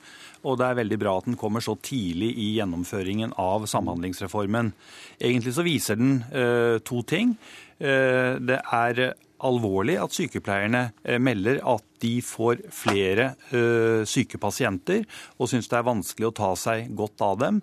Men de melder også at det å få faglige utfordringer setter de pris på. Så de ønsker mer kompetanse og mer ressurser. Men det har tidligere fått kritikk for at utskriving av pasienter fra sykehus har gått for fort i høve til det kommunene makter å ta ansvar for i oppfyllinga. Hvor reell mener du den kritikken er, når du hører dette? Ja, Det vi vet, så langt vi har eh, solid kunnskap, det er at når vi utskrives fra sykehus, det er det samme som tidligere. Det er bra, for det skal bygge på rene faglige kriterier. Så har vi gjort én ting i Samhandlingsreformen, og det er at vi har gitt kommunene alle ressursene i forkant. Vel en halv milliard kroner. De kommunene som har bygget seg opp, har klart å rekruttere, har bygget kompetanse. De kan bruke alle midlene selv. Så det er kommunenes skyld, dette, da? Nei, dette er et ansvar som eh, både statlige myndigheter har, og som kommunene har. Men det er viktig at det er veldig god dialog mellom kommunene og sykehusene, slik at pasientene får tilbud hele tiden. Dialog, stortingskandidat for Høyre Tone Trøen. Hva sier granskinga Sykepleierforbundet legger fram deg om hvordan samhandlingsreforma virker? Jeg syns denne rapporten veldig tydelig viser at uh, her har man gjennomført en reform uten å ta det viktige uh, kompetanseløftet i kommunene først.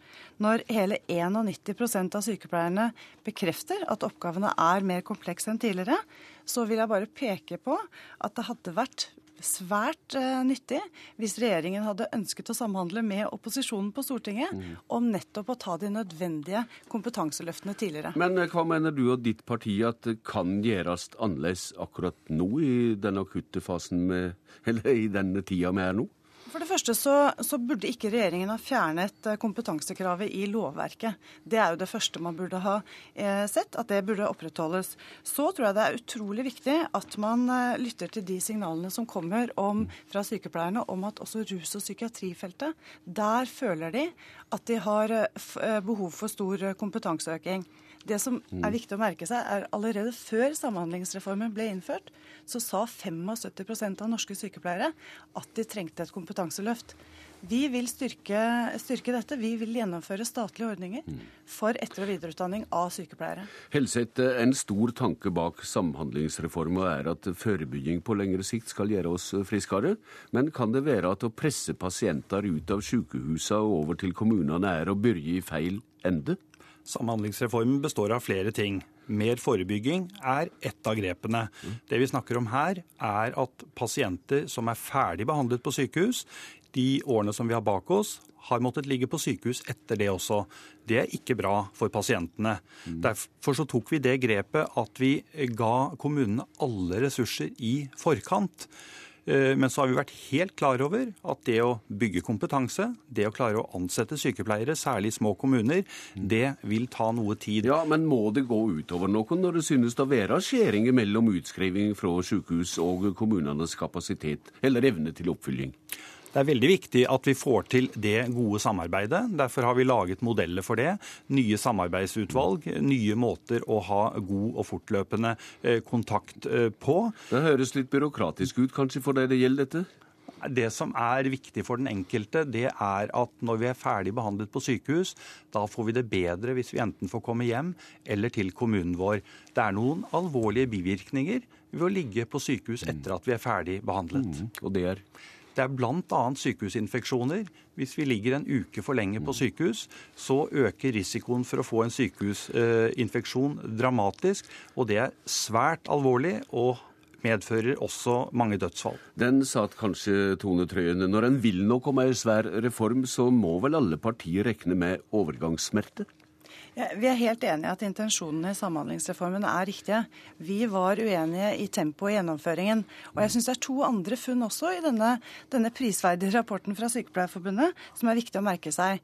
Det ene er at hjemmeboende eldre har fått et redusert tilbud. Det er et uh, alvorlig uh, trekk som vi er nødt til å, å ta på stort alvor. Og så er det ett funn til.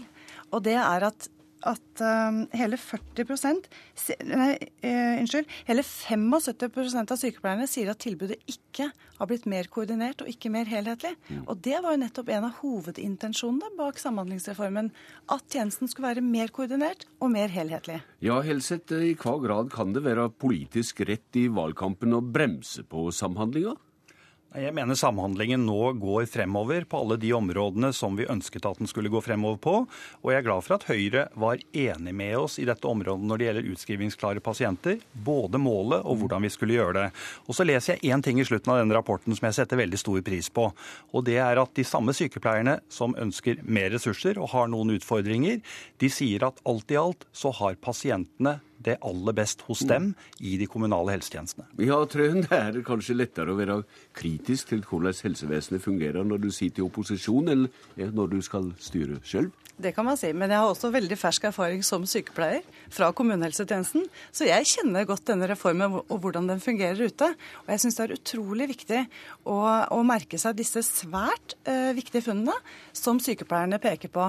Det er betydelig behov for en opptrapping både på kompetansefeltet, uh, på rehabiliteringsfeltet og på rus og psykiatri. Og det er, det er noe som, som på en måte pasientene merker der ute. Nesten 40 av sykepleierne sier sier at pasientsikkerheten er blitt redusert. Det er et alvorlig funn som vi må ta på alvor. Det var kanskje ikke det du sa, Helseth. Du er nå forresten fra Lækjarlauget sjøl. For å bygge opp de kommunale helse- og sosialtjenestene, som er kjempeviktig, så må vi betale sykepleierne og andre fagfolk lønn. Mm. Da er vi nødt til å ha, ha ressurser til det. Jeg mener at vi fra Arbeiderpartiet har eh, mest troverdighet på det området, for vi lover ikke bort pengene til skattekutt. Vi har øket antall ansatte i perioden vi har bak oss med 24 000, og nå setter vi nye mål. Flere ansatte, sterk kommuneøkonomi, det er det som i aller størst grad uh, vil påvirke hvordan disse tjenestene blir i årene som kommer. Der kom jammen uh, skattepolitikken inn i kompetanseauke og uh, lønnsauke for sykepleierne, Trønd? Ja, det gjorde det. Jeg er opptatt av at vi, vi må uh, sette handling bak disse mm. ordene. Og jeg syns ikke regjeringen har tatt det nødvendige løftet på kompetanse på denne sektoren. Og det er det pasientene som sliter mest med. Her blir mer samhandling, samme hva valgresultatet blir. Takk til Are Helseth og Tone Trøen i denne omgang.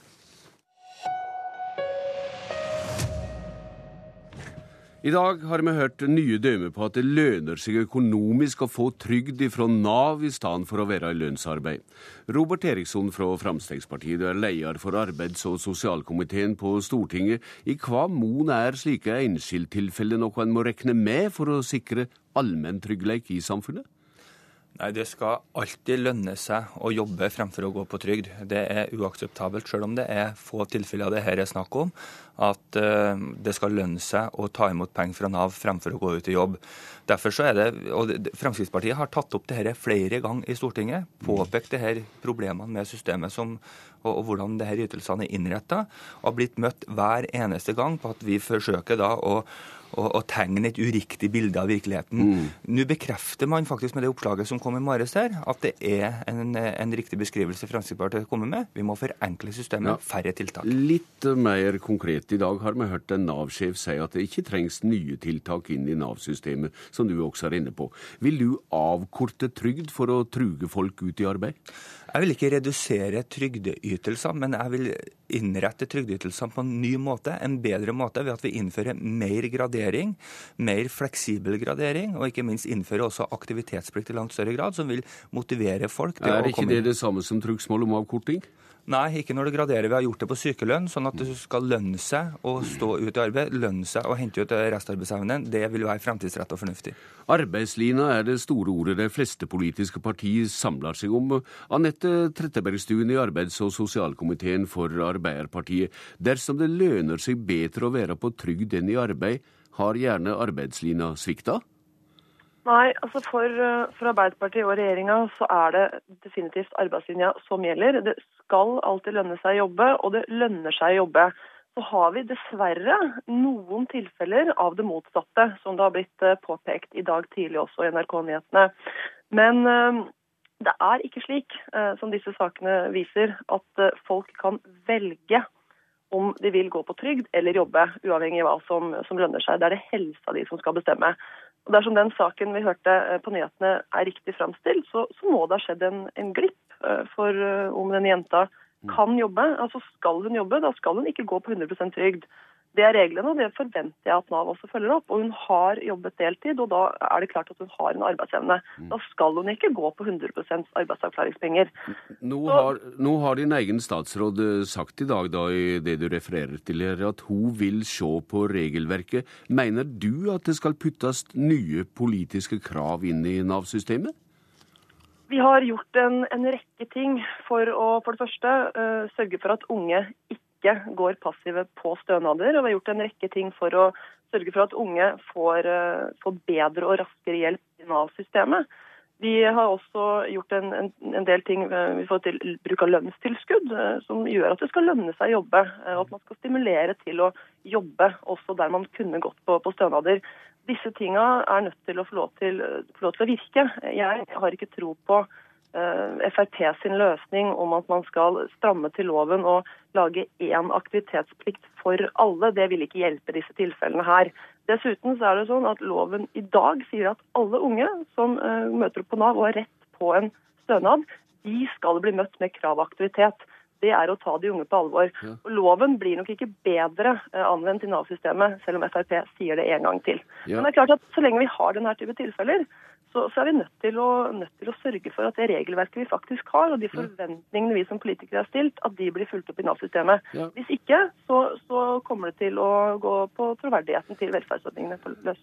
Men Eriksson, det Trettebergstuen sier her, i det store og hele så høres det nesten ut som du kan melde deg inn i Arbeiderpartiet? Nei, jeg kan ikke melde meg inn i Arbeiderpartiet. og jeg må jo si at Hvis man lytter til det Trettebergstuen sier, så er det jo veldig ambivalent. fordi at Hun sier at hun har ikke noe tro på at uh, man skal innføre mer aktivitetsplikt. Og så sier hun i neste setning at de har gjort en massevis for systemet og endringer i systemet med aktivitetsplikt og krav som vi møtte i dag. Altså, her, nå, må de, nå, må, nå, må de, begynne å bestemme seg hva de egentlig har gjort. De har ikke gjort mye endringer. Jeg møter ungdommer hver eneste dag jeg, som ikke får den hjelpa i systemet som man burde ha fått hjelp på. Og det som trengs, det er faktisk en forenkling av, av tiltakene, en spissing av tiltakene. Det tror jeg flere enn meg er, er enig med meg i. Problemet er det at Arbeiderpartiet og den sittende regjering stemte imot et sånt forslag når vi ba om det i vår. Trettebergstuen, okay. du ble utfordra til å ta en avgjørelse om din egen politikk her? Nei da, det kan jeg godt gjøre. Eh, det er noe sånt, Vi la fram en stortingsmelding 13.8 der vi nettopp foreslår en forenkling i tiltaksstrukturen. Så det har vi levert på. Men poenget er at vi har i dag i loven eh, Loven sier at alle unge, eh, alle andre også for så vidt, som møter opp på Nav eh, og har rett på en stønad, de skal møtes med plikt til aktivitet og med krav der det er hensiktsmessig. Mm. Det står i loven i dag. Den er vi opptatt av at skal brukes. Vi har foretatt en undersøkelse blant alle kommunene nå for å sikre oss at den brukes. Det som er Poenget er at disse ungdommene de trenger eh, tettere oppfølging, eh, tidligere hjelp og raskere hjelp i Nav-systemet. Derfor har vi innført noe som heter Ungdomsløftet fra budsjettet i år, som nettopp sørger for det. Dette må få lov til å virke. Vi, vi nærmer oss eh, slutten av dette programmet, men eh, hvor nyttig er Nav og arbeidslina for deg i valgkampen, Robert Eriksson, der du kjemper for å holde på stortingsplassen din fra Nord-Trøndelag? Nei, Det er utrolig viktig at vi får et Nav til å fungere. Nav fungerer ikke i dag. Arbeiderpartiet fyller det her med bare med ord. Skal vi klare oss å opprettholde arbeidslinja, så må vi tilbake til Einar Gerhardsen sine ord. Gjør din mhm. plikt, krev din rett. Ja, Den, det svikter Arbeiderpartiet i dag. Trettebergstuen, du er med på telefon fra valgkampen din i Hedmark. Hvordan kjenner du helt stutt eh, debatten om arbeid og trygd puster deg i nakken? Jeg syns denne debatten er enormt viktig. Eh, for det viktigste vi som politikere kan gjøre, er nettopp det å sørge for at folk kommer i jobb, og folk holder seg i jobb. Og spesielt sørge for at unge ikke blir gående uten noe å gjøre og passive på stønader. Det har også vært en av de prioriterte innsatsene fra regjeringa de siste, eh, de siste åra, og jeg har tro på at prosjektet vårt vil lykkes. Takk til deg, Anette Trettebergstuen, og til deg, Robert Eriksson. Politisk kvarter er slutt. Jeg heter Bjørn Bø.